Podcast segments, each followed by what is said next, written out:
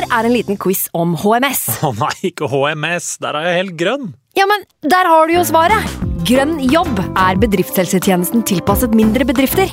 Våre HMS-eksperter hjelper mer enn 8000 bedrifter over hele Norge med alt fra lovpålagte HMS-krav til pålegg fra Arbeidstilsynet. Få på plass bedriftshelsetjeneste på grønnjobb.no.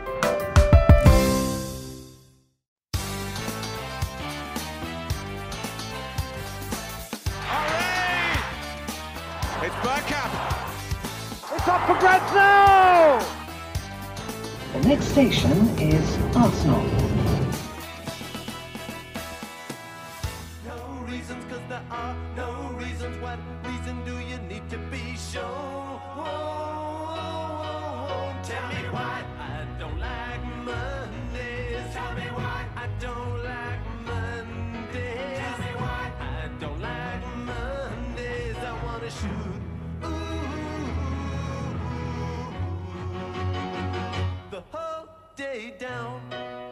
Hei, og velkommen skal du være til en splitter ny episode med Arsenal Station med Magnus Johansen og meg, Simen Goffeng.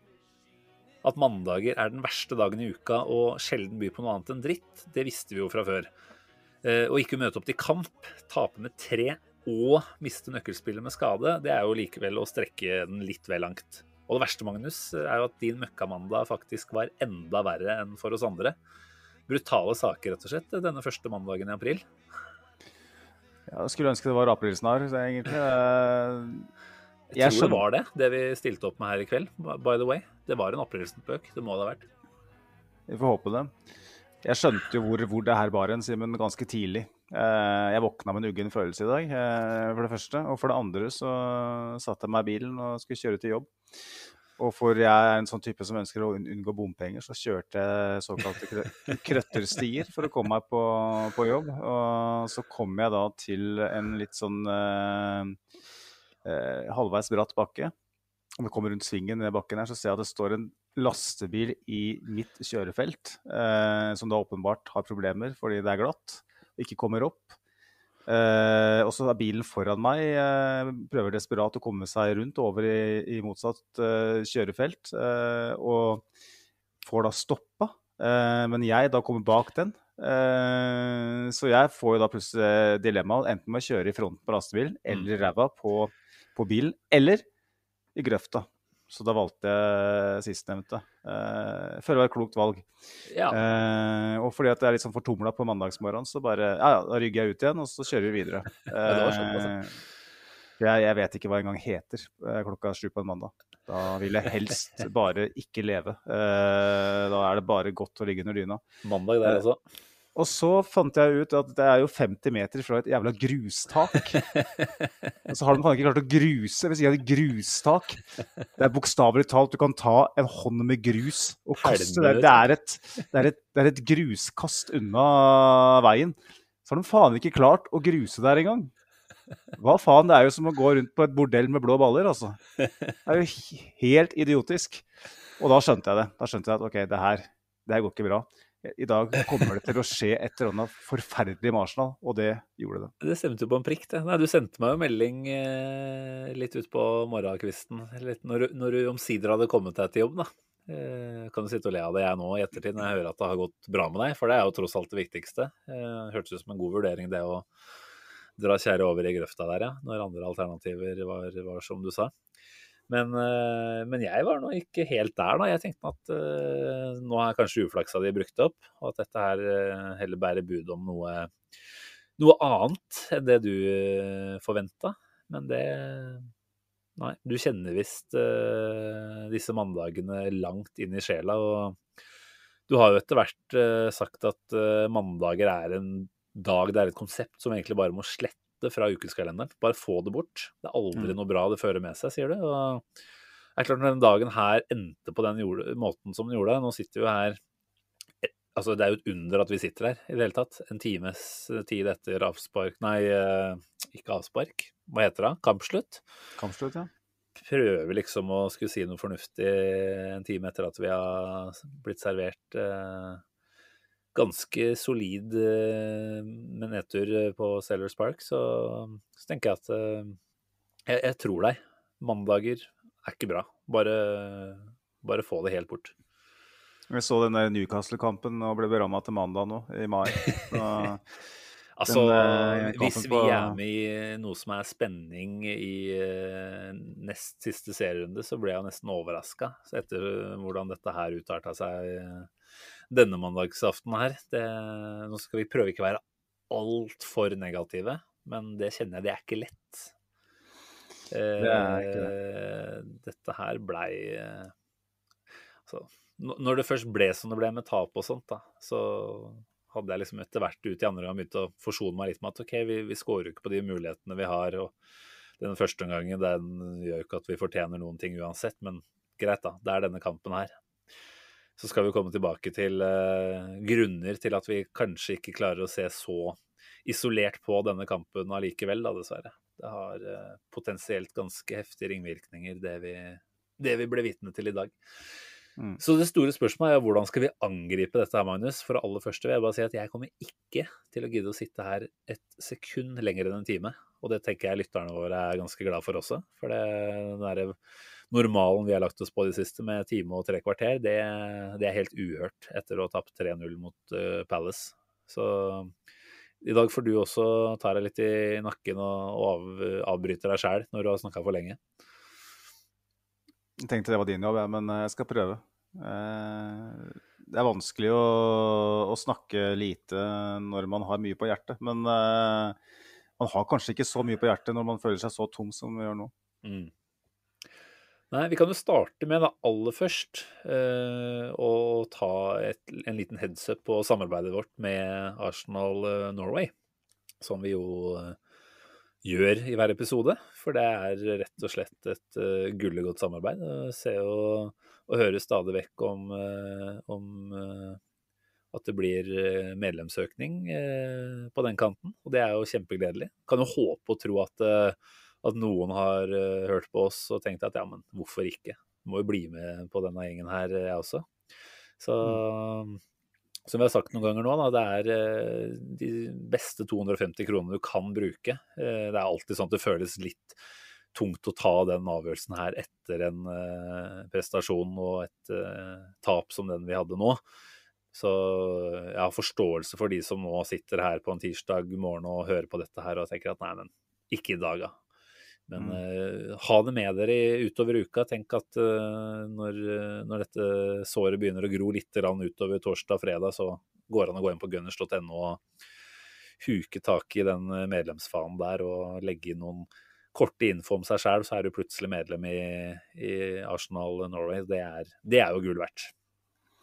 Desto større grunn til å, å melde seg nå og tenke at eh, vi skal ikke la oss knekke eh, av, av en tung kveld. Og vi skal fortsette å, å støtte opp om hverandre og være supportere. Og, i- og ikke minst være del av familien. Men um, vi har jo nevnt uh, frynsegodene si, eh, veldig veldig mange ganger, og det skal vi fortsette å gjøre. Men jeg tenker i dag så er det en litt annen ting vi har på agendaen. fordi en vaskeekte eh, Arsenal Nor Norway-legende takker vel av, uh, i alle fall eh, i den rollen han har i dag. Eh, Ole Kristian Holter, som er eh, billettansvarlig, han har virkelig vært en traver i den supporterklubben her. Eh, har vel tidligere vært leder òg. Og den, eh, den, eh, det embetet som er billettansvarlig, har han hatt veldig lenge. Han skjenka meg med billetter på både hjemme- og bortekamper en hel sesong da jeg bodde der. og, en hel, og en selvfølge hver gang at han skaffa billetter på Villa Park, på St. James' Park,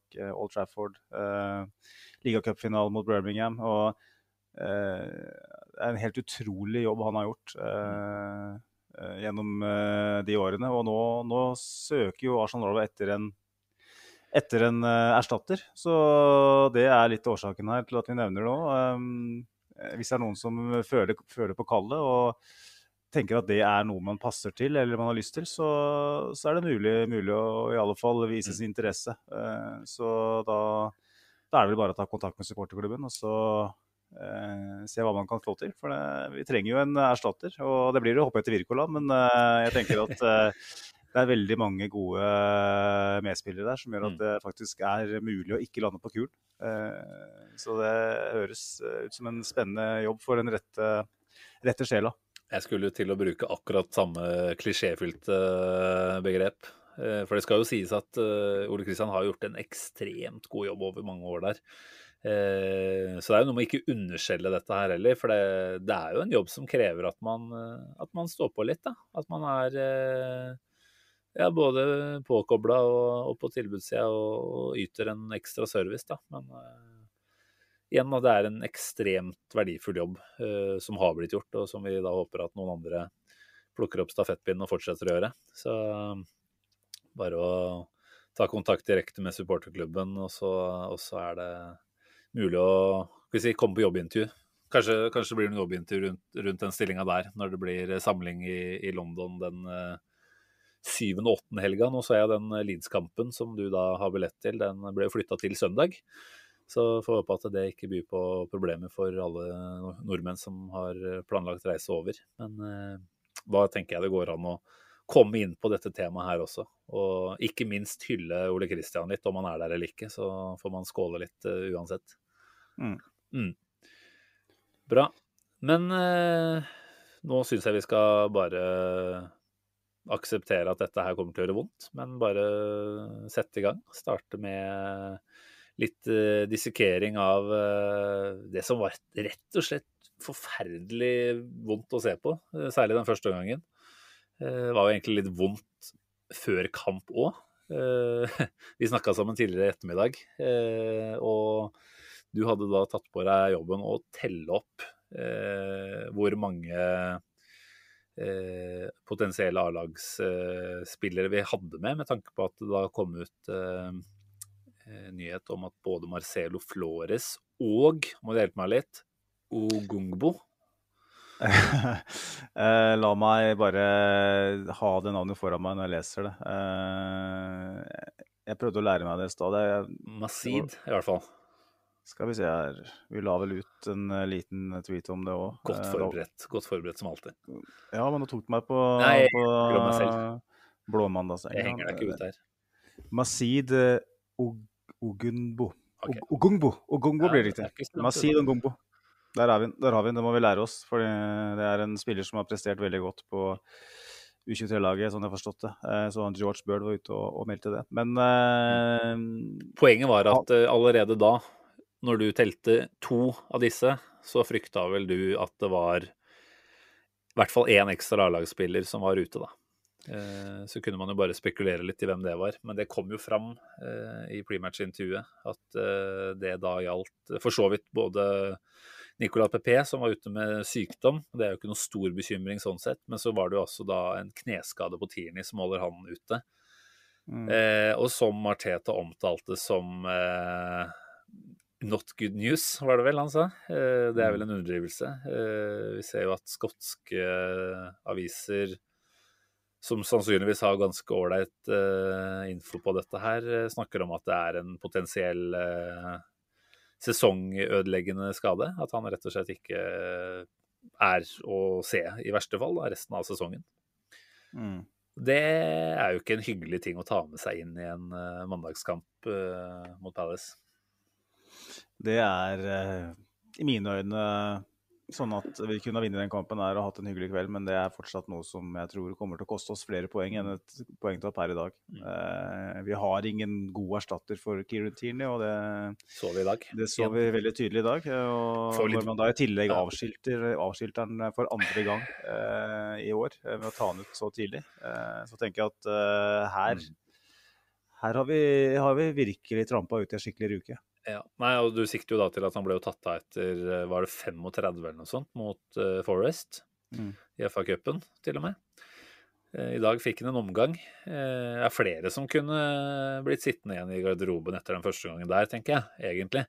Men jeg er jo helt enig i Arteta at det var en skrekkelig opptreden, det han hadde også. Og det var jo et eller annet med Altså Én ting er hva han gjør på ball, men så er det et eller annet med hva det å ha Skal ikke bare legge det på Tavares, men at både han og Cedric da fortsatt er eh, backup-valgene. da. Det gjør noe med den trygghetsfølelsen og opplevelsen av sikkerhet for medspilleren også, tror jeg. Eh, skal ikke igjen, Alle må ta ansvar for sin prestasjon. Eh, kan ikke på en måte skylde på at nei, men jeg har han her bak meg. Eh, kanskje til en liten grad, men, eh, men, men det bidro negativt. Og vi kan jo bare hive i det i gang. Da, det første gangen eh, Hva skal vi si om den? Vi kan vel snakke litt mer om Kieran Tierney etterpå, hvis det er greit. Men ja. eh, Skader er jo en uh, vi- tilbakekommende tema i dag, dessverre. Jeg føler at det er nesten det viktigste vi kan snakke om i dag. Men uh, første omgangen, ja, det var uh, litt sånn som vi har sett eh, fra den gjengen her etter landslagspauser før. Iallfall hvis vi skrur tida tilbake til i, i fjor høst. Og som du vel sa til meg før match, det var det siste du forventa. At, Ja. eh, at et Mikkel Arteta-lag eh, anno 2022 skulle gå ut og virke eh, lite forberedt. Mm. Lite påskrudd. Jeg tenkte tilbake til den kampen mot Palace i 2017 eller 2018, eller når Theo Walcott vel presterte å si at de ville det mer enn oss. Stemmer. Det var litt samme greia. Et uh, heltent Palace-lag under flomlysene som gikk rett i strupen. Et helt annet Palace-lag, ja, men det er noe med Sellers Park og, og den atmosfæren der som uh, kan uh, gi litt strøm i skoa til motstanderen. I alle fall hvis du er litt usikker. Og jeg trodde ikke den Arsenal-utgaven her var usikker. Nei, uh, selv med, med Kieran Tierney ute. Det er én spiller ekstra. Jeg tenkte Ramstad var jo tilbake med den Mm. personligheten han har, så jeg føler at vi så svekka skulle vi ikke være.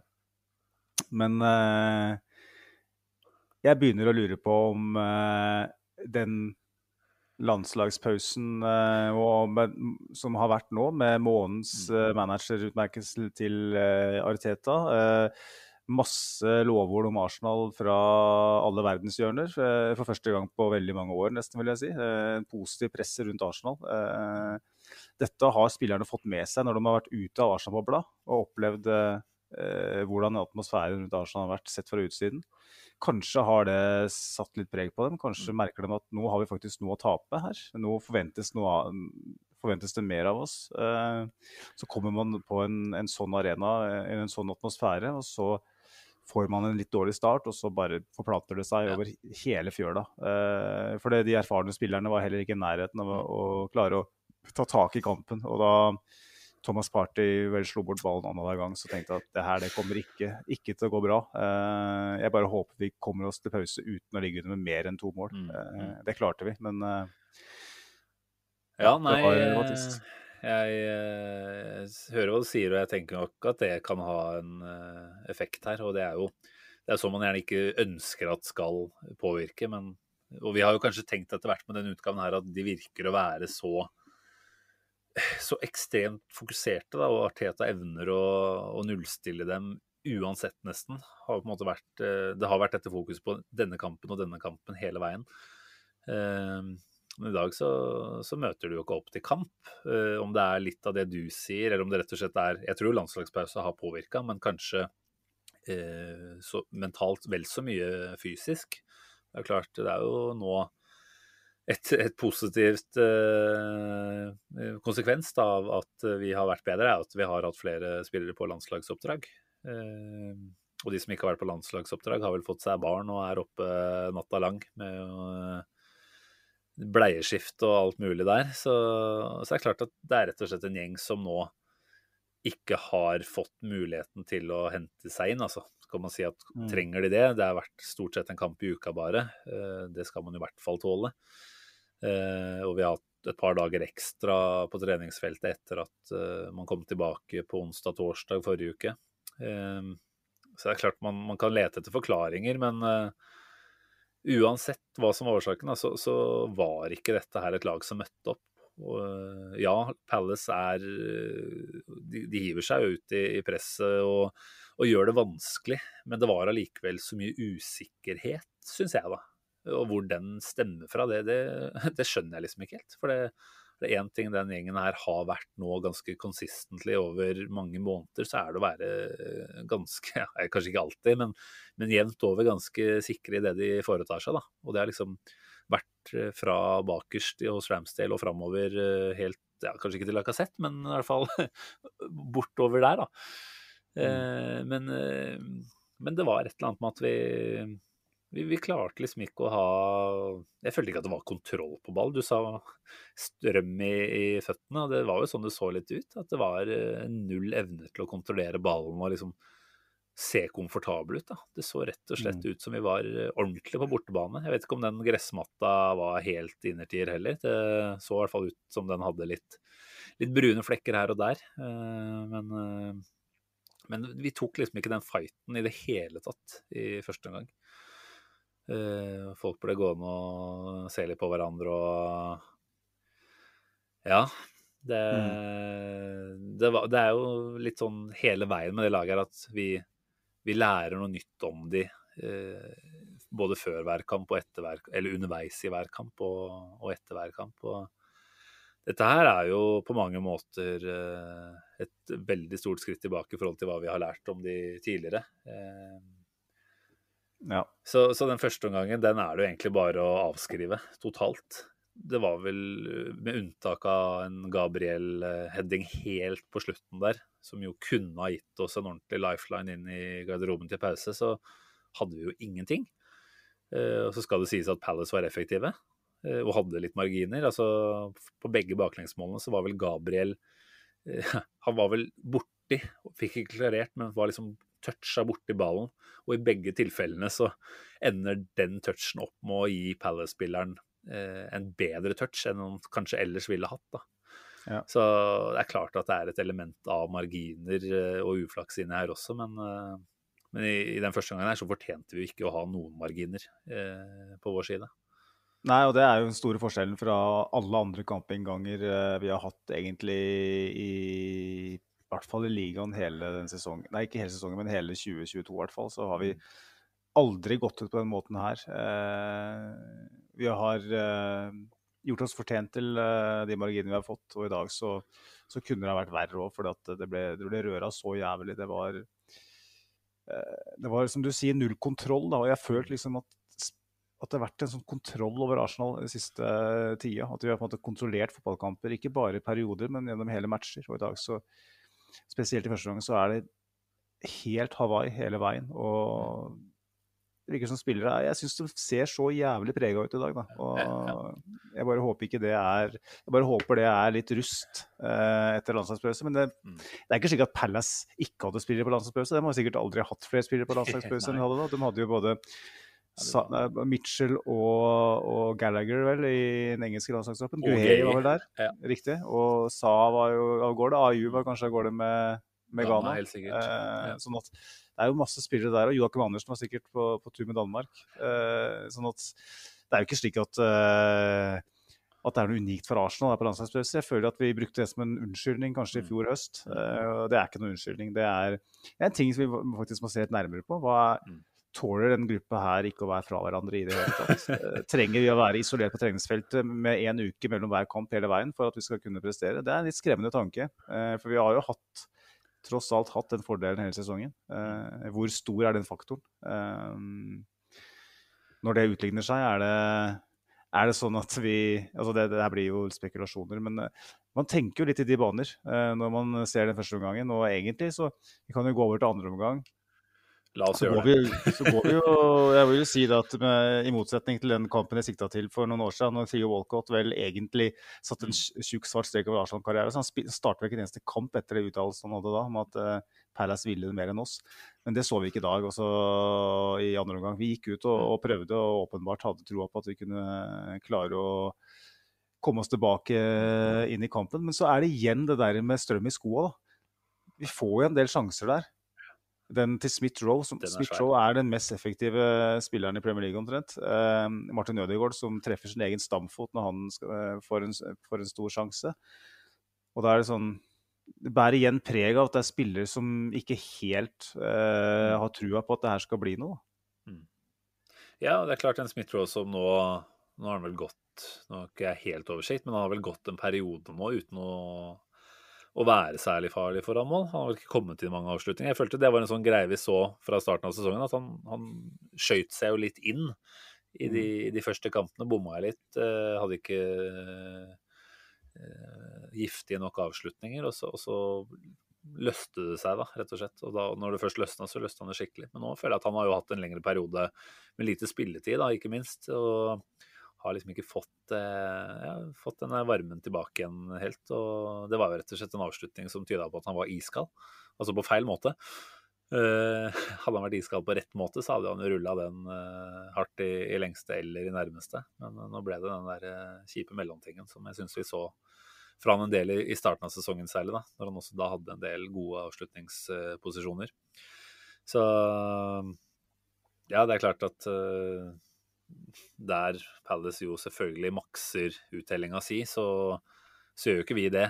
Eh, både den, Ødegaard sin, som ikke kommer så lenge etter, eh, er jo fint eh, mål begge to på en annen dag.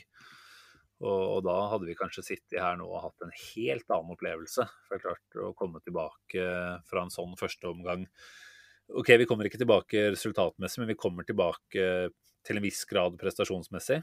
Eh, har ikke hele kronologien foran meg her nå, men jeg sitter jo med en opplevelse av at andre gangen eh, egentlig handler om oss eh, hele veien fram til eh, Palace får det 3-0-målet på straffe. Så, så det er klart at da, da får man en reaksjon.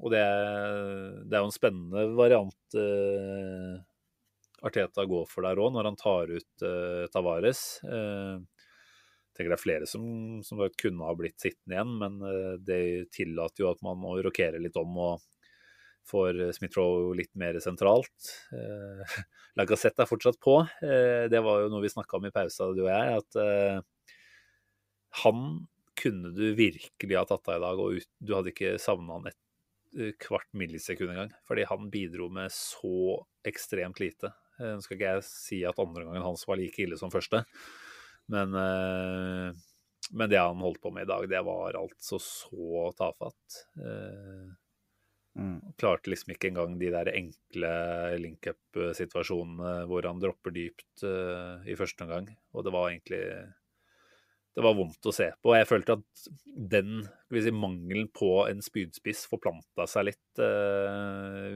videre, da, og gjorde kanskje at også Palace fikk litt ekstra selvtillit. Altså tenkte at OK, her er det faktisk ingen som stresser oss og gjør det ubehagelig. Så her får vi jo faktisk eh, ålreite arbeidsforhold bakfra. Og så er det en selvtillit da, som, som de tar med seg både utover i omgangen, men også gjennom hele laget. Mens Arsenal da ser at det første pressleddet deres og potensielt det mest eh, Det som skal være det farligste eh, delen av laget, egentlig, da, ikke er i nærheten av å gjøre noen ting. Så, så for meg så kunne egentlig Lacassette blitt sittende igjen, og man kunne gjort et rent spissbytte der nesten, med Martinelli.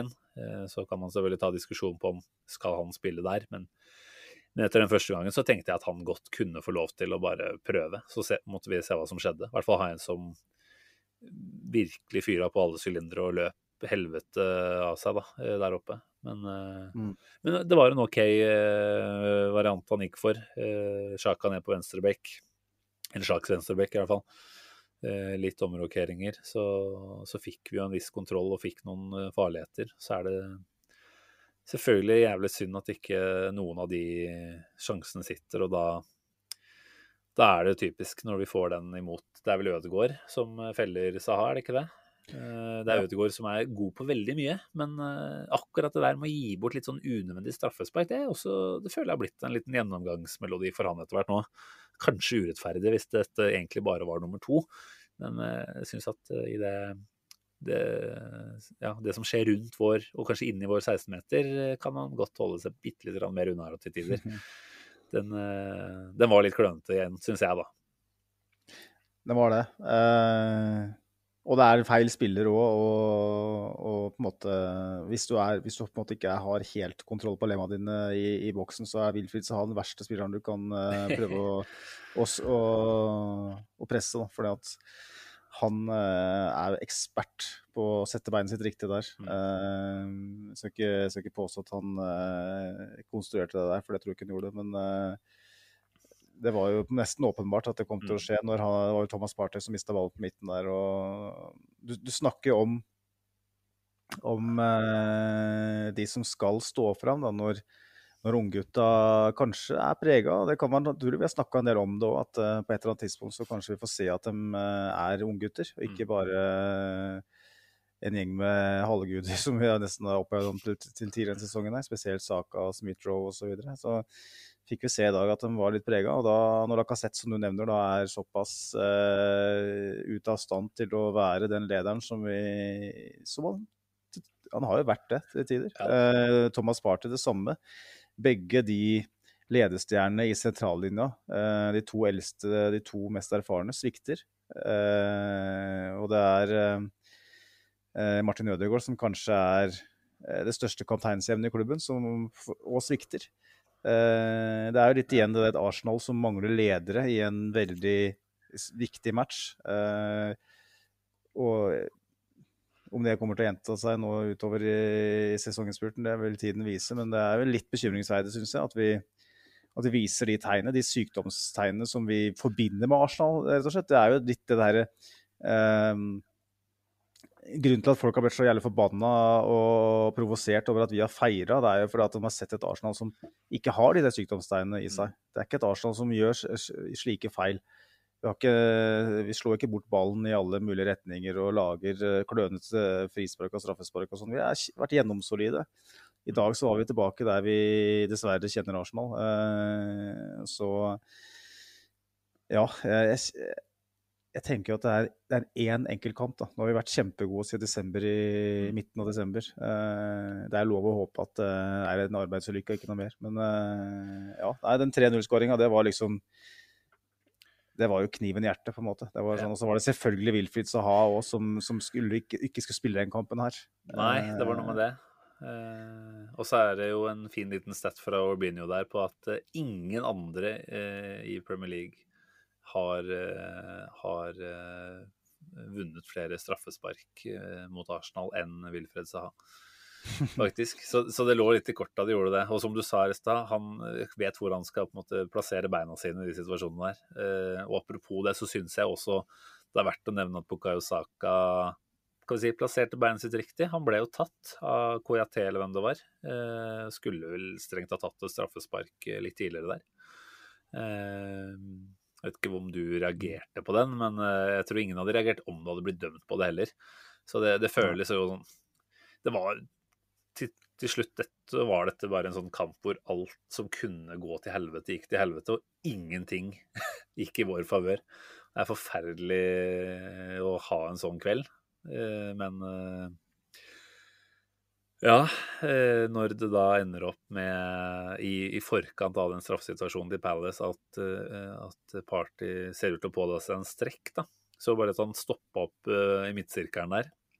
Eh, Om det var fordi han løp eller strakk ut beinet, klarte jeg ikke helt å se. Jeg ringte deg vel idet straffesparket ble blåst og sa nå er den sesongen her over. Mm. Fordi da hadde jeg sett hva som skjedde med Party og tenkte at nå der røyk faktisk siste hoppet. Det, det er jo brutalt og tullete å melde da, når du ligger A-poeng med fjerdeplassen med en kamp mindre spilt. Men eh, jeg tror vi snakka kanskje litt om det i en tidligere episode for en eller to uker tilbake. At eh, hvem er det vi på en måte helst skal unngå å miste? Lurer på om vi hadde party begge to. Eh, eller hadde en av oss Ødegaard, kanskje. Nei, det var Party. Ja. Det er jeg ganske sikker på. Ja, og, det blir jo nå først og fremst veldig spennende å se. eh, Skremmende, kanskje, å se hvor, eh, hvor ille dette her er. Men jeg ser jo Arteta i etterkant sier at eh, det er en muskelskade. Det måtte det jo være, det var jo det det så ut som. Og at det er i nærheten av noe av det han har hatt tidligere. Og vi vet jo hvordan disse muskelskadene til Party har vært tidligere. Det er Jeg er redd at det er minimum fire uker.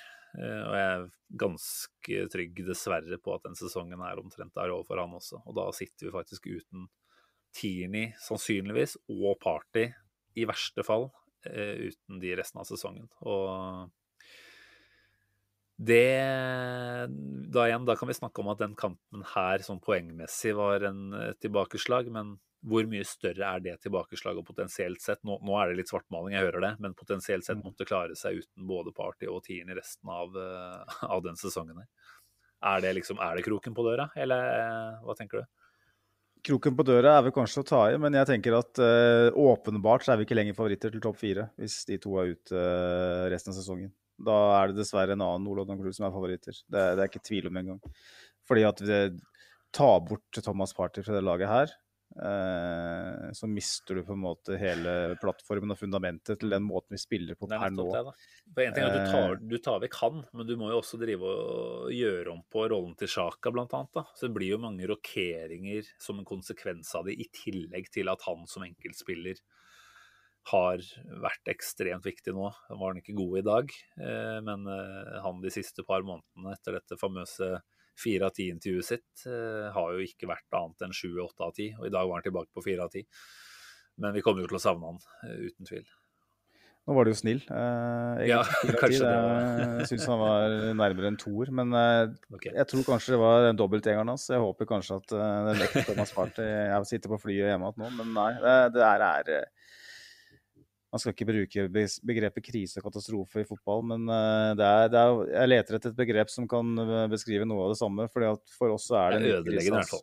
Det er veldig, veldig ødeleggende. Det, det, er, det er veldig, veldig ødeleggende. Også når du får det med Tini i tillegg, eh, som er eh, kanskje ikke like viktig som for Arsenal sånn spillemessig, men eh, når du ser på eh, hva som er baken, så, så tenker jeg at det er nesten like ille. Eh, Thomas Party kan jo på en måte Du kan omgruppere litt og få Sjaka ned sammen med Lokonga. og Så kan du fortsette å bruke Ødegaard og Smithrow og Martinelli. Ikke sant? Så tenker du at i de fleste kamper så skal vi kunne virkelig gi dem en fight. Vi har, vi har på en måte muligheten til å omstille der, men på venstrebekken så, så har vi egentlig ikke det.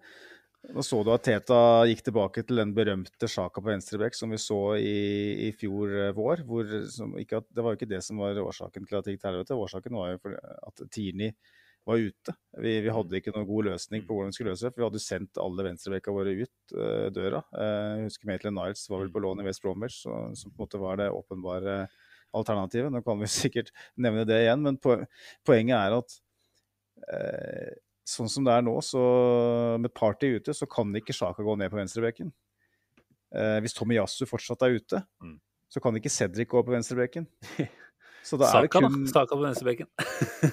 Ja, ja, men det er jo ikke, det er jo ikke helt utenkelig sånn, så, så, så ille som situasjonen er. Men det er jo sannsynligvis en Nuno Tavares som må preppes nå voldsomt. Da. Stakkars Nuno. Altså, der har Arteta en jobb å gjøre nå. Altså, Én ting er å få han på en måte opp og gå prestasjonsmessig, men det er et eller annet med å ha fått to såpass brutale opplevelser som han har gjort. da, sine, Det er vel de to kampene han har spilt, altså Forest og den her. Han har ikke vært innom i noen særlig grad imellom der, har han det?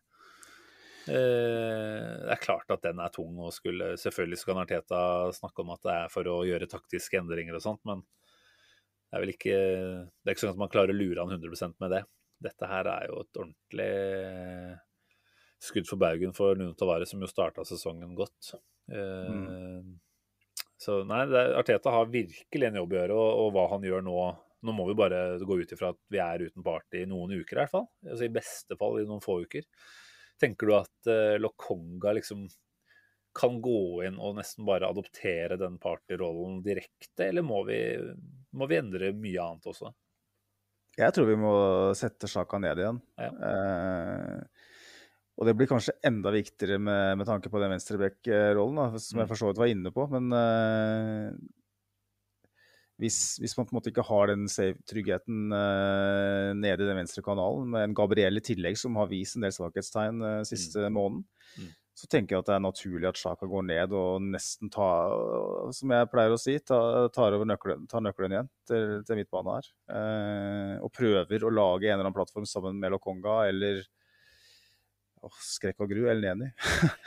eh, sorry, Mo, eh, Mohammed El Neni, men eh, sånn at i alle fall vi kan fortsette å, å, å spille på strykene våre offensivt. Eh, jeg, jeg, skrekken er jo på en måte at eh, hele fundamentet bare smuldrer opp, og at vi ikke klarer å spille oss eh, høyt i banen lenger på samme vis. At vi blir liggende dypere og spille sånn som vi, som vi gjorde tidligere. Eh, så det, det, er, det, det er Jeg tror Jeg vet ikke hva du tenker, Simen, om, om du tr- tror Lokonga kan eh, gå inn og gjøre en sånn jobb. Det er umulig å svare på, selvfølgelig. Nettopp. Jeg skulle si aner ikke, er mitt ærlige svar på det. Eh, jeg, jeg tror ikke han er helt der at han kan skal vi si, sveipe på den måten som Party har gjort. Eh, han kan ikke gjøre akkurat det samme som Party, det kan han ikke. Så jeg tror man må belage seg på å be sannsynligvis Sjaka da, om å, å bidra på en litt annen måte nå framover. Eh, kanskje særlig noen kamper. Nå har vi jo hver dag åt, ni kamper igjen. Fire av de er eh, Nei, fem av de er bortekamper. Så, så det er klart vi har mye vanskelig i vente, og jeg tror å sette Lokonga, som nå er ganske kald etter å ha Han har liksom ikke fått innhoppene engang, da. Det er, og det har vi jo snakka litt om tidligere, at kunne Arteta sånn sett ha vært noe Jeg vil ikke si smartere, fordi han er mye smartere enn meg, i hvert fall når det kommer til fotball. Sannsynligvis på andre områder òg. Men det er noe med å holde noen av de spillerne som man kanskje bør kunne se for seg at skal måtte inn på et eller annet tidspunkt eh, holder det litt varme, da. Eh, selvfølgelig så jobbes det sikkert kontinuerlig på treningsfeltet for å sørge for at han er så klar som mulig. Eh, det har vært snakka ganske tydelig inne i klubben om at eh, man ser på Lokonga som en partyerstatter, og ikke noe annet. Så et håp må jo være at de har klargjort han til en viss grad da, for det. Det blir veldig spennende å se. Jeg syns jo han definitivt har vist prov på å ha ekstremt mye tøffhet og trygghet i seg. Eh, ikke sant? Tegn, som vi vet, i Anderlecht eh, før han kom hit. Eh, om ikke annet så har han i hvert fall fått debuten på det belgiske landslaget og er jo med i troppene der. Så det er jo en, det er ikke en sånn hvem som helst man bare dytter inn og, og ber om å gjøre det. Det er en, et ganske svært talent, rett og slett, dette her, da. Så jeg ser ikke på det som håpløst å skulle gi han en del av de samme ansvarsområdene, men, eh, men hva vi har sett fra Party nå over flere uker, så, så tenker jeg jo ikke at Lokonga kan gå inn og gjøre det like bra, dessverre. Det, det tror jeg ville vært eh, Da skulle vi vært ekstremt takknemlige, i hvert fall. Vi, vi vet jo at noen ganger så er det dette her som gjør at uh, nye stjerner trår frem. Det er at de får en mulighet i en annens uh, skadefravær. Men uh, akkurat i dette tilfellet her så sliter jeg litt med å se at den blir Jeg tror ikke vi blir så positivt overraska, da. Ja, det blir spennende det her, Simen, å se hvordan man løser Mm. de flokene her. Nesten umulige flokene. For de som har hørt på den podkasten her siden vi starta, så, så vet, vet, vet de at jeg har vært en av de som har vært litt skeptisk til Kieran Tierney. Mm. Jeg har fått, eh, fått høre det litt på sosiale medier av og til, faktisk. Uh, Du har stått i stormen. jeg har stått i stormen, og jeg, jeg føler eh, på ingen måte noe tilfredsstillelse over det som skjer nå. Jeg skulle så gjerne ønske at jeg ikke hadde rett, og kanskje har jeg det ikke. Det eh, kan godt hende at historien, historien skrives om, men jeg, jeg tror ikke det nå. Altså. Jeg, jeg tror Kieran Tierney er en spiller vi ikke kan uh, være så avhengig av som vi har vært. Mm. Det er en eh, Hvis man ser på nyere Arsenal-historie, så, så er det her en felle vi har gått i ganske mange ganger. Med Robin van Persie, med Abu Diabi, til dels Thomas Rosicki. Altså spillere som åpenbart ikke klarer å holde seg skadefri, men som allikevel eh, blir gitt store roller over tid. Mm. Spillere som ikke blir erstatta. Eh, spillere som man med, med, med historikken i mente allikevel ikke, ikke velger å ha en fullgod erstatter for. Man henter Nuno Tavares fra Benfica, som har veldig lite erfaring, eh, som er en løs kanon på dekk, og tenker at det skal være nok til å, å være backup for en Kieran Tierney som når vi, når vi kom til sommeren i fjor, så hadde han vel Jeg mener vi hadde tall på at han hadde vel vært på banen i 50% litt i overkant av 50% av Arsenal sine Premier League-kamper etter at han ankom i 2019. Mm. Altså da i løpet av en uh, Toårsperiode. toårsperiode. Mm. Eh, og så var han jo skada igjen på start, i starten av denne sesongen her, sånn at Tavares spilte jo mye. Eh, og det gikk egentlig ganske bra. Med unntak av den Anfield-kampen. eh, og så kom han tilbake, og etter det så har han jo faktisk vært skadefri. Men det har jo vært en frykt der hele veien om at hvis det blir for tett kampprogram, hvis det blir noen sånne landslagspauser og han må spille eh, 180 minutter, så er det en risiko for at han ikke eh, holder seg skadefri. Eh, og det er litt sånn han er som type, som spilletype. Altså han Jeg vet ikke om det er noe galt med fysikken hans eh, som sådan. Jeg, jeg lurer på om det handler om en evne her til å holde seg skadefri. Eh, hvis den ikke er der, så må han faktisk eh, om ikke erstattes, så må han iallfall hentes inn en som er vel så god som den. Og nå veit vi jo ikke hva omstendighetene rundt den siste skaden her var. Og det er klart, Hvis det er beskrevet at det er en kneskade, så, så kan jo det altså Selvfølgelig kan det være en slags opphopning av, og et resultat av en sliten kropp da, etter å ha spilt mye og vært på farta nå i landslagspausen. Og som du sier, også har spilt hver eneste kamp for Arsenal de siste ukene før det. Eh, Men, men det kan selvfølgelig være noe annet òg. Så, så akkurat før vi på en måte har noe mer sikkerhet rundt det, så kan man ikke sitte her og si at det er Ki- Kieran Tierney som ikke gjør den jobben eh, med skadeforebygging eh, godt nok. Eh, Selvfølgelig så kan man tenke seg til at han godt kunne ha gått til landslagssjefen i, i pausen og sagt at du, vi har kamp igjen åpenbart like over her. Kanskje du, du lar meg stå av i pausa den ene, i hvert fall. da. Men, mm. men han er nok ikke den typen, nei. Det er han ikke. Eh, og samtidig som han på en måte ønsker å ofre seg for Skottland, så har jeg jo inntrykk av at han vil akkurat det samme for Arsenal. Eh, Mm. Og det er kanskje det som, eh, som blir problemet. da, At, eh, nå vet jo ikke vi igjen hva som skjedde, men det kan jo selvfølgelig være at i en duell et eller annet eh, eh, segment i den Arsenal-trenings... eh, det var en Arsenal-trening som han ble skada på, vel. Så um, har han gått inn litt for hardt, da, rett og slett. Og, og det har kosta. Litt sånn som Wilshere på en måte kanskje ble kjent for å være litt utaktisk i måten man eh, gikk inn i noen av disse nærkampduellene på. Fordi han ofte ble veldig utsatt for, eh, for skadepotensialet. Så, så kan det at Kieran også bør revurdere litt eh, det. Eh, Det har han hatt noen år på å gjøre, og vi ser jo dessverre at det gjentar seg eh, med jevne mellomrom. Eh, Skal vi ikke lenger tilbake, som du sier, enn en eh, tidlig i sesongen der, hvor vi satt og snakka om at eh, nå er vel nesten Tavares i ferd med å danke ut Tierney. Selv om det var en vei dit, så, så var han såpass god over en periode da at, eh, at det, det var jo ikke noen da som bekymret seg for backupen. Men sånn som jeg skal si, hører deg nå, så, så er det vel sånn at jeg aner at du tenker at en venstreback er ganske høyt opp på lista potensielt, i form av hva vi skal gjøre på overgangsfronten i sommer.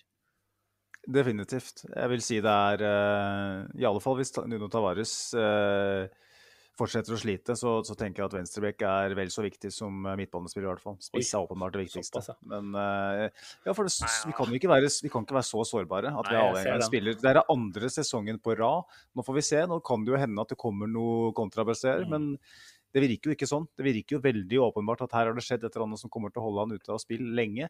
Og da er det andre sesongen på rad det skjer. Det er andre sesongen på rad at vi ikke har en god backup. Og det syns jeg er direkte svakt, når man på en måte kjenner historikken her. Det har jo vært uttalt både for Tini selv og folk som kjenner han, at han klarer ikke helt å begrense seg på trening.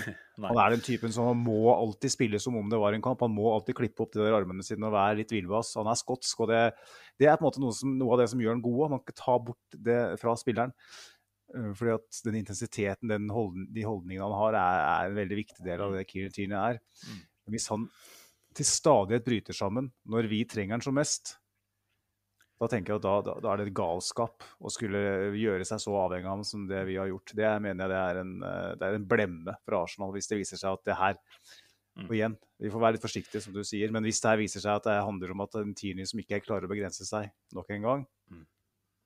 da, da, da, da må det her være dråpen som får begge til å renne over. Da får, da får uh, gjerne være Arsenal-spiller, men da, da må vi ha inn noen som er vel så god, som kan, være, som kan konkurrere med. For at vi kan ikke gå inn i nok en sesong med, med, med det problemet. For at det her kan være det som koster oss topp fire. Det kan være snakk om hundrevis av millioner. ikke sant? Det er, for at, ja, men det er jo så, Jo, er så nei, brutalt, brutalt, si, er det. jeg skulle si at venstrebekken var vel på mange måter det som kosta oss i fjor. Altså Om ikke Mm. topp fire, så i hvert fall en Europaliga-ferd som kunne ha gått litt lenger, da. Altså, Husker alle hvordan Sjaka ned der var med å ødelegge og forstyrre på så mye annet uh, i de kampene mot Villarreal uh, i fjor. da. Mm. Eh, Så det er klart at Hvis det er der vi på en måte ser at eh, ting begynner å ryke også nå, så, så vil jo det bare være helt hinsides, egentlig. Eh, Det er klart det er en del tilfeldigheter inne i spill her, men, men selvfølgelig, altså, det begynner å utkrystallisere seg et lite mønster. Du, du blir på en måte ikke så overraska, dessverre, over at dette, at dette skjer med Tierney. Eh, Så er det bare å håpe da at eh, Tavares eh, finner fram igjen til godfølelsen som han jo hadde tidligere i sesongen. Det tenker jeg er kjempeviktig nå, fordi masse styr med å skulle plassere andre spillere ut av posisjon ned der, det, det tror jeg bare kommer til å koste oss mer framover. Så Mm. det blir kjempespennende å se hva Arteta gjør nå. Og apropos Arteta, så må jeg jo si at jeg liker at han er så tydelig som han er etter kampen i dag. Eh, Det er liksom det er null unnskyldninger, da. For han også kunne jo selvfølgelig ha dratt på med at ja, det er landslagspausen og alle har spilt med mye og vi har hatt mange spillere borte og sånt. Jeg kan nok tenke meg noen managere som ville ha hatt det i fokus. Eh, Frank Lampard. blant annet. Blant annet. Eh, men han sier jo så enkelt som at vi fortjener et slag i trynet etter i kveld.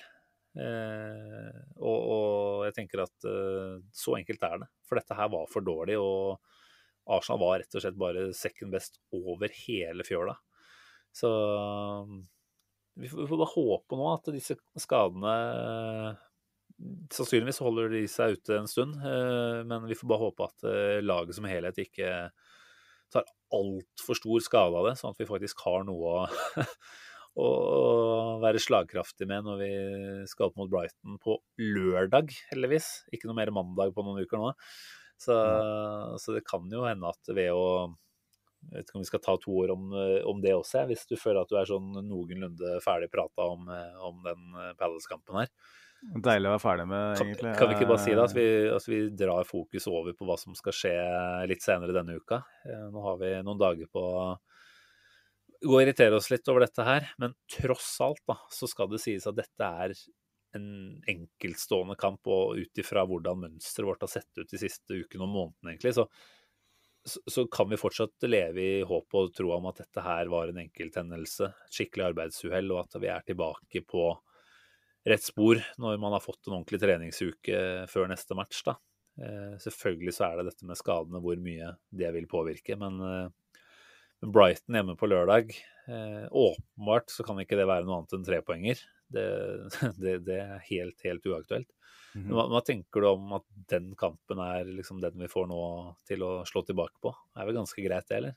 Det er veldig gunstig. Brighton dem er vel eh, såpass på stranden at det bestilles paraply- paraplydrinker eh, over en lav sko.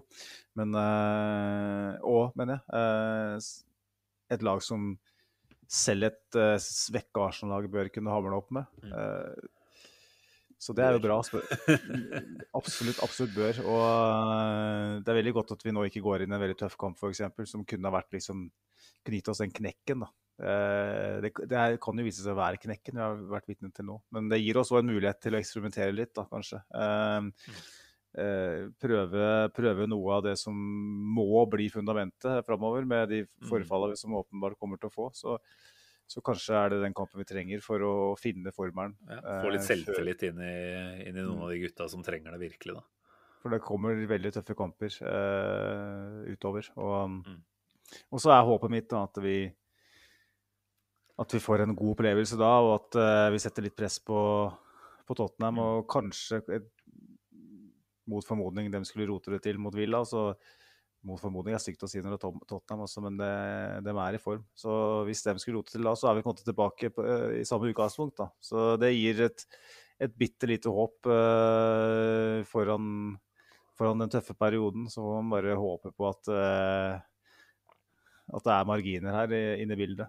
Men Brighton det er et, et lag vi skal slå. Det er på hjemmebane. og Det jeg virkelig håper å se, Simen, det er at uh, et fullsatt Emirates som Mm. uh, virkelig viser støtte til de som faktisk er på banen der. Uh, sånn at spillere føler på at Vet du hva? Vi er mulig at vi dro og bæsja noe kraftig på leggen mot Crystal Palace, men vet du hva? De gutta her som sitter på tribunen, og jentene ikke minst, Mm. de er bak oss hele veien. De tror på oss. Og Ja, det, det det, tror jeg er viktig. Altså. Det er, hadde, det vært, hadde det her vært for et par år siden, Mm. under Wenger eller Emery, så hadde man jo sett glisne tribuner på Emirates. Og én feilpasning etter to minutter, og så begynner, eh, begynner de der eh, moans to Grows på tribunen. Så det, jeg håper det kan være en sånn påminnelse for de spillere her om at nesten uansett hva som skjer resten av sesongen, så er vi egentlig jævlig fornøyd med, med hvordan de har løst det her på. Ja, er det én ting jeg ikke er bekymra for, så er det hvordan publikum kommer til å skal vi si, ønske de velkommen tilbake igjen nå noen dager. Det, det føler jeg er helt i tråd med hva vi har sett uh, det meste av denne sesongen her, etter at man på en måte fikk reist kjerringa i, i september-oktober, så, så har det jo bare vokst og vokst et, uh, sterkere bånd her. Så at den kampen nå mot Palace, selv om den var uh, forferdelig altså Det var jo litt sånn klassisk ikke møte opp-tendenser, og, og det er jo kanskje det verste vi som supportere ser. Det er når eh, spillere tilsynelatende ikke gir alt, da, rett og slett. Og det følte jeg jo dessverre var litt tilfellet i første gang. Ja, de så rådville ut, og de så ut til å ikke være komfortable, men det så heller ikke ut til at det var 100% guts inn i, i det som skulle vinnes av dueller, da. Så, Men det er klart, dette var en enkelthendelse, og jeg tror de aller, aller fleste som er på Emirates uh, på lørdag, eh, fortsetter å, å bygge opp rundt uh, mye av det som har vært positivt, da. Så kan man jo Så jo Klopp som var ute og, og meldte før den Watford-kampen deres nå, at uh, de trengte virkelig publikum. eh, eh, De trengte vel tidenes beste 12-30-atmosfære, var det vel han sa, eller noe sånt. Og jeg tenker kanskje Arteta, som jo har fått en veldig god connection nå, det er, vi hørte jo sangen hans igjen i stor grad i dag, da. Eh, kanskje skulle vært litt tydelig ut eh, mot supporterne før her. altså bare virkelig eh, For klokka tre på en lørdag, det er jo en ganske flat atmosfære ofte, det. Mm. Eh, få med så mye drive som mulig derfra, så, så er det forhåpentligvis det som skal til for å vekke den godfølelsen eh, ordentlig til live igjen, da. Som jo nå Det er klart, når man da har vært to uker på landslagssamling, og så kommer tilbake og så får dette her, så, så blir det jo fort da, noen, eh, noen uker siden man har kjent på den godfølelsen eh, med gjengen. Så er, vi er jo helt avhengig av at den dukker opp igjen allerede nå på lørdag. Og det vi, vi kan ikke sitte her og tro at noe annet enn det kommer til å skje heller. Nei, det blir eh, dessverre ulidelig spennende eh, å se. Det blir eh, igjen en potensielt definerende kamp, så vi må bare feste feste setebelten og prøve å svelge den der Ja. forbanna klumpen med mandagsskuffelse her, for den, den er eh, hårete og den er kvelende. eh, Vi får, vel, eh, vi får vel tenke at altså, i dag, eller mot Palace nå, så gikk absolutt alt galt. Det var Murphys lov. Altså, alt som kan gå galt, det gikk galt. Og da får vi håpe at vi har brukt opp litt eh, av det som Eller det meste av det som står på den kontoen for resten av sesongen, og at det er litt mer eh, flyt i det som skjer framover. er det ikke sånn det funker, da? Jeg vet ikke. Nei, jeg tror ikke det, dessverre. Eh, Men vi håper. Yes. Eh, skal du skjenke oss med noe ekstra hygge nå på, på tampen av sendinga, eller hva tenker du?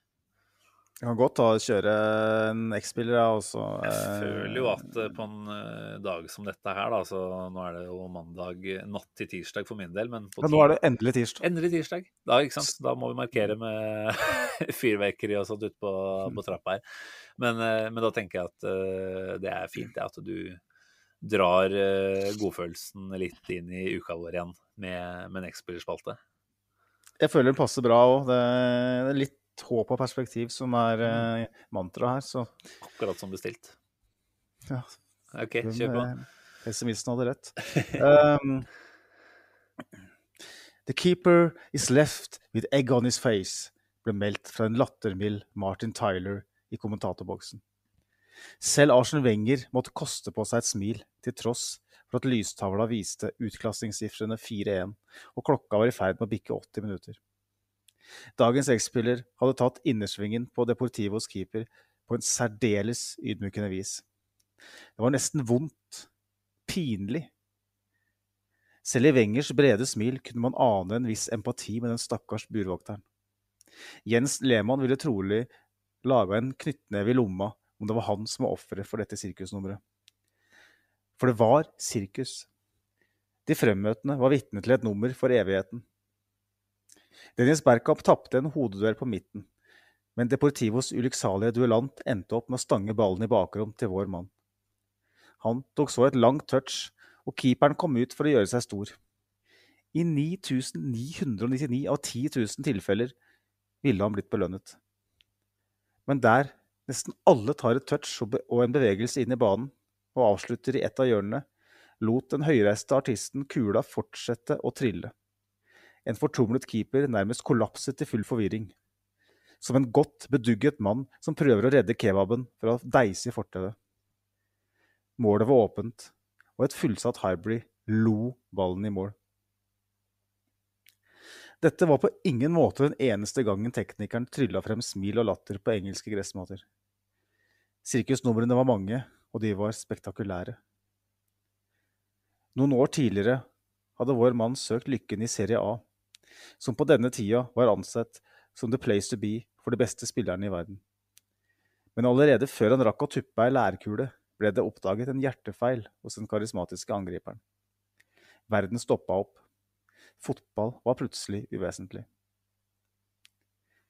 Heldigvis gjennomgikk han en vellykket og nødvendig operasjon, men det herska stor usikkerhet om hvorvidt han ville returnere til fotballbanen. Nå var fotballen vesentlig igjen. Karrieren skulle reddes. Et snaut år senere var han tilbake. Men Italia-eventyret ga ikke påfyll til drømmene. Kanskje var han preget av helseproblemene. Inter ville i alle fall ikke gi ham en skikkelig sjanse. La oss derfor spole frem til februar 1999, til dagen da alt snudde.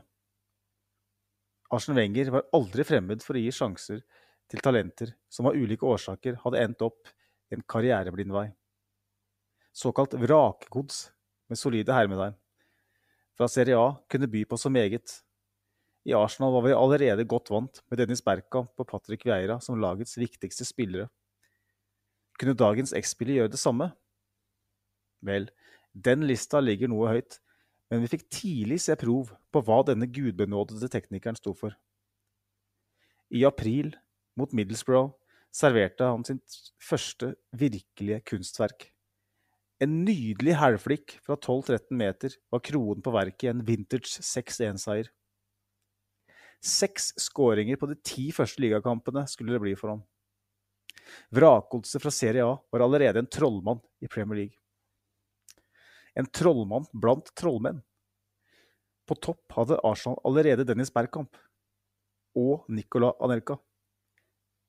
Da sistnevnte sutra seg til en overgang til Real Madrid den påfølgende sommeren, henta Wenger inn både Davor Zucker og en viss Thierry Henry. Det var kun, kun Rolls-Royce som gjaldt i den offensive lagdelen. Og dagens X-spiller måtte kjempe en innbitt kamp for å få betydelig med spilletid. Dette så bare ut til å inspirere ham ytterligere. Vår mann var en selvfølgelig inklusjon i elveren. Målsnittet gikk noe ned, men han bød stadig på heftigere trylletriks. Klimakset kom i oktober, da Arsenal lå nede med brukket rygg på Stamford Bridge. 0-2 og 15 minutter igjen på klokka.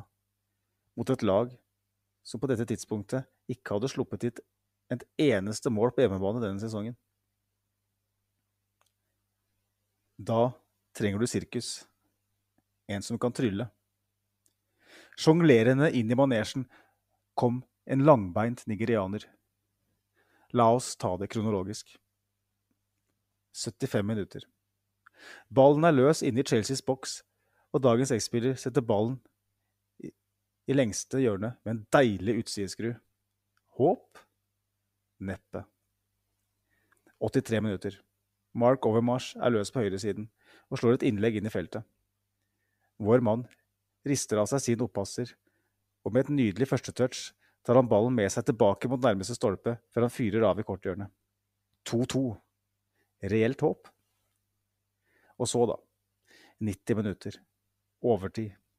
Ballen er løs på Chelseas høyreside. Helt nede ved hjørneflagget. Eddie Hoy, Chelseas keeper, kan ade moden multe på lang avstand og begir seg ut på en heseblesende bærtur. Idet han er i ferd med å plukke ballen, blir han skamløst ydmyket av den 1,97 høye driblefanten. En enkel forsering, og målet er åpent. Problemet er bare at vinkelen er umulig. Sa du umulig? I den fjerne galaksen dagens X-spill befant seg denne ettermiddagen, var ingenting umulig.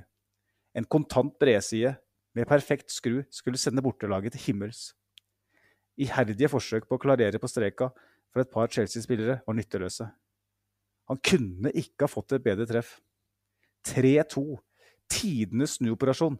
Can you believe it? Nå kunne vel ikke livet bli bedre. Vel, etter et forrykende 1999 ble han ærefullt belønnet med prisen som Afrikas beste fotballspiller. Den tunge veien tilbake fra hjerteproblemene var nå fullført. Fra dystre spådommer om karriereavbrudd og livstruende lidelse til superstjerne, trollmann og Afrikas beste spiller. For en reise! Men det ingen ante på dette tidspunktet, var at Thierry Henry skulle gå fullstendig supernova. I tospann med Dennis Bergkamp utgjorde franskmannen kanskje Europas beste spissduo. Dagens X-spiller ble dermed tredje fiolinist. En superinnbytter. En fast innbytter. Hele 118 ganger skulle han bli byttet inn i Premier League. Kun Theo Walcott har flere innhopp for Arsenal. Og det var nettopp som innbytter at han skulle oppleve sine største stunder i Arsenal-trøya. Som en del av dobbelttriumfen i 2001 og 2002, og selvsagt de uovervinnelige i 2003-2004, har han en imponerende merittliste å vise til fra tiden i N5. På banen ble det imidlertid stadig lenger mellom de store øyeblikkene. Etter hvert ble det tydelig at han ikke helt holdt det samme nivået lenger som de øvrige angriperne. Målene uteble, og han viste kun glimtvis tro på gammel klasse. I sin siste sesong, i 2003-2004-sesongen, ble det kun ett ligamål, og, og det på ti kamper. Akkurat nok til å kvalifisere til medalje rundt halsen. At han til dels slet grunna hjertelidelsen, er det liten tvil om. Årlig foretar han grundige undersøkelser av blodpumpa, og i 2014 måtte han gjennom et nytt inngrep. At han i det hele tatt var fotballspiller på dette nivået, er en ufattelig stor bragd. I 2008 ble han stemt fram som Arsenals 13. beste spiller gjennom tidene i en kåring hvor fansen kunne gå inn og stemme på sine favoritter på arsenal.com. Nå skal det sies at en sånn type kåring gjerne domineres av yngre fans, og at Arsenal-ikoner fra fordums tid generelt blir glemt. Men det viser likevel hvilken status vår mann har blant tilhengerne. Egentlig hadde han kun én tolvmånedersperiode hvor han virkelig briljerte. Men de uforglemmelige triksene han dro opp av hatten med jevne mellomrom, har gitt ham en plass i hjertet til alle gunnere. I tillegg er han en fantastisk type som har brukt sin plattform til å hjelpe hjertesyke barn i Afrika med å få den samme hjelpen han fikk. Nwanko Kanu er en trollmann, en livredder og, et ekte Arsenal-ikon som serverte egg i fjeset til fortumlede motstandere. Kanu! ah, der var smilet tilbake, Magnus. Tusen hjertelig takk. Da. Det er jo akkurat det man trenger før man skal gå og legge seg en, en natt til tirsdag.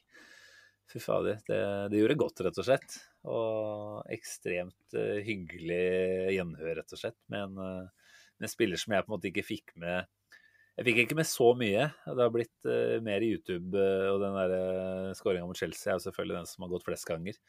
Så veldig kult å få den servert fra deg på den måten her. Og at det faktisk var et så heftig antall som 118 opptredener fra benken, det er jo drøy info. Altså, den, den, er jo rett og slett en nydelig fun fact å ta med seg videre. Så, Han spilte jo ikke så mange år i Arsenal heller, ikke sant? så det, nei, det er jo så det er spesielt 99 til 2004. Og det er kun opptredener fra benken, det. Det er ikke noe annet, det. Mm. ikke langt unna, i hvert fall. Er en rått og, og en, en, fin fyr på mange områder, som du er inne på her. Eh, jeg regner med at du ble litt glad når du satt og gjorde researchen her òg, selv om det selvfølgelig kanskje var mye velkjent info for din del, så, så, er det en spiller man kan kose seg litt når man sitter og skriver spalte om, tenker jeg, dette her. Man må jo prøve å i alle fall uh, fastsette tidspunkter med tanke på når hva skjedde når? Mm. Eh, for det er såpass lenge siden. Men jeg husker jo øyeblikkene. Jeg husker jo Chelsea-kampen, jeg husker flikken mot Middlesbrough. og. Jeg husker godt at det var en, en spiller som på et tidspunkt da i 99 var, hadde så høy stjerne at man, man, tenkte at han er en av verdens beste spisser. Men så gikk det veldig fort nedover etter det, og det, det handler kanskje litt om, om hjertelidelsen. Og mm. kanskje litt om at han fikk en konkurranse som ble, var helt umulig. Men uh, for det, Han var jo en helt sinnssyk teknisk eh, begavelse, Mm. den fyren der. Eh, Men det var et eller annet som ikke helt stemte. Det, han eh, var vel Harry Redknapp som sa det når han var i Portsmouth, at, eh, at av og til så måtte kanu kjøres eh, inn på stadion i rullestol, men likevel så kunne han gå på banen og drive og dra av spillere. Spare, spare alt han har til eh, de Ja. 90 minuttene. Eller de 34 minuttene som innbytter eventuelt. Jeg må bare beklage da at det ble litt stakkato underveis her, for at jeg har ikke rekket øvd noe på den her. For det, det ble litt uh, bråbestemt. Kom igjen, da. Det gikk jo som drøm, det her. Selv om du ikke fikk det, den eh, generalprøven i, i speilet sånn som du pleier. Speilet, faktisk. Ja, nei, jeg Stå foran eh, speilet, gjør du ikke det? Pleier å prøve å lese, lese høyt for deg sjøl.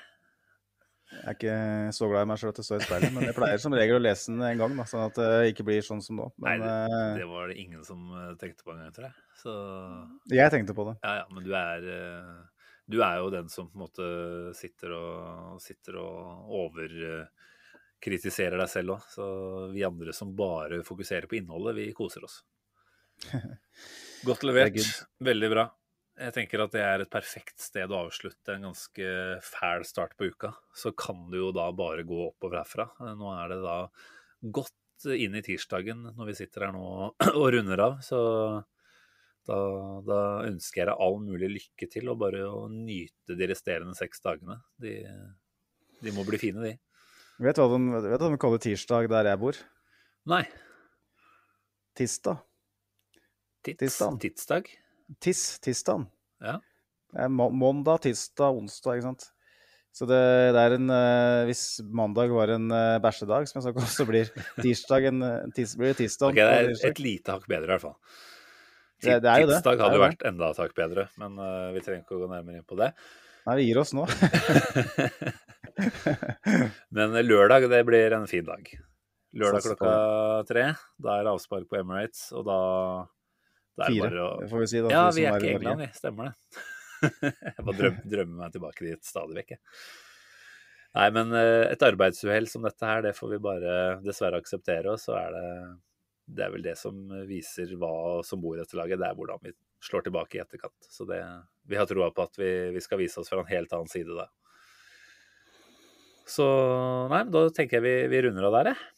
Kan du bare ta med helt på tampen at jeg var innom og sjekka eh, Arsenal Station-sida på, på Spotify i stad, så så jeg at det hadde ramla inn med masse hyggelige stjernedryss, er det hva man kan kalle det, på, på den sida vår der. Så det må jeg bare si at vi setter utrolig stor pris på. Eh, ordentlig kult at eh, Jeg vet ikke om det på en måte er med på å løfte oppmerksomheten rundt på den heller, men, eh, men uansett en hyggelig tilbakemelding å få. Så vi setter pris på å ha med lytterne, og det er jo hyggelig at, eh, at de setter pris på å ha oss i øret en gang i uka også, Magnus. Ja, altså, jeg tenker hvis de som har iTunes øh, og kan gjøre det samme, så er det bare veldig fint. Vi pleier, vi, vi, pleier, vi, pleier, vi pleier jo ikke å be om sånt når vi, men, Nei, det øh, men det er jo hyggelig det at folk øh, gjør sånt, for det, vil, det vil faktisk hjelpe oss. Så, og jeg håper at vi har hjulpet dere litt gjennom terapeutiske øyeblikk, sånn som i kveld. For det, Varierer nok veldig fra episode til episode, tror jeg. Men, nå har de vært eh, jævlig trivelige da, i lange tider, og nå fikk vi en eh, ordentlig nesestyver. Og da, da er det viktig at vi blir de psykologene som vi tross alt eh, later som vi er. Ja, men det er klart En time og et kvarter hos psykologen, det er dyrt. Så hvis folk tenker at ok, da, da kan vi i hvert fall eh, påspandere en, eh, en stjerne eller fem på Spotify eller iTunes, da setter vi veldig stor pris på det. altså.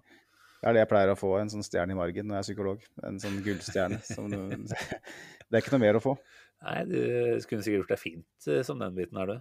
Eh, Det kan vi også komme mer tilbake til, om det er eh, om en fremtidig karrierevei eh, som skal søkes etter. Yes, nei, men vi, vi snakkes igjen etter Brighton-kampen, Magnus. Eller vi- snakkes vel imellom det òg, men on air så er vi i hvert fall tilbake i etterkant av den. Det Yes. kjenner jeg egentlig at jeg gleder meg til allerede. Så for å takke for laget nå i kveld. Eh, riktig god uke videre til deg, eh, og til deg som lytter òg. Bare å omfavne uka. Den, den, kan bare gå oppover herfra. Eh, vi setter veldig stor pris på at eh, dere er med. Og så sier vi på gjenhør om ikke så altfor lenge. Ha det bra. Ha det, ha det. Hei.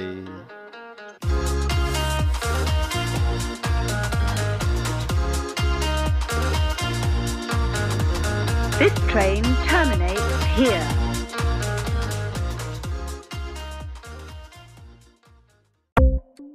Ukens annonsør er HelloFresh. HelloFresh er verdens ledende matkasseleverandør og kan være redningen i en travel hverdag. Mange av oss har nok vandret i butikken både sultne og uten en plan for middagen, som ender med at vi går for de samme kjedelige rettene gang på gang. Middag burde være dagens høydepunkt. Som HelloFresh kan du nå velge mellom 25 ulike retter hver eneste uke, eller få HelloFresh til å sette sammen menyen for deg. Dette gir deg muligheten til å prøve nye og spennende retter alene eller sammen med familien. Du velger antall porsjoner og får alt levert på døren på et tidspunkt som passer for deg. Oppskriftene er enkle, og maten er lett å lage både for store og for små. Ved å få alt levert hjem får du også mer tid til å dele matgleden med familie og venner. Kanskje det frister med asiatiske tacos eller greskinspirert kylling? Da kan jeg anbefale deg om å gå inn på hellofresh.no. Her kan du bruke koden FOTBALL og få opptil 1779 kroner i rabatt på de første fem matkastene hvis du ikke har prøvd HelloFresh tidligere. Du kan også bruke rabatten hvis du har vært kunde og stoppet abonnementet ditt for tolv måneder siden eller lengre. Gå inn på hellofresh.no og bruk koden FOTBALL. Har du et enkeltpersonforetak eller en liten bedrift? Da er du sikkert lei av å høre meg snakke om hvor enkelt det er med kvitteringer og bilag i fiken, så vi eh, gir oss her, vi. Fordi vi liker enkelt. Fiken superenkelt regnskap.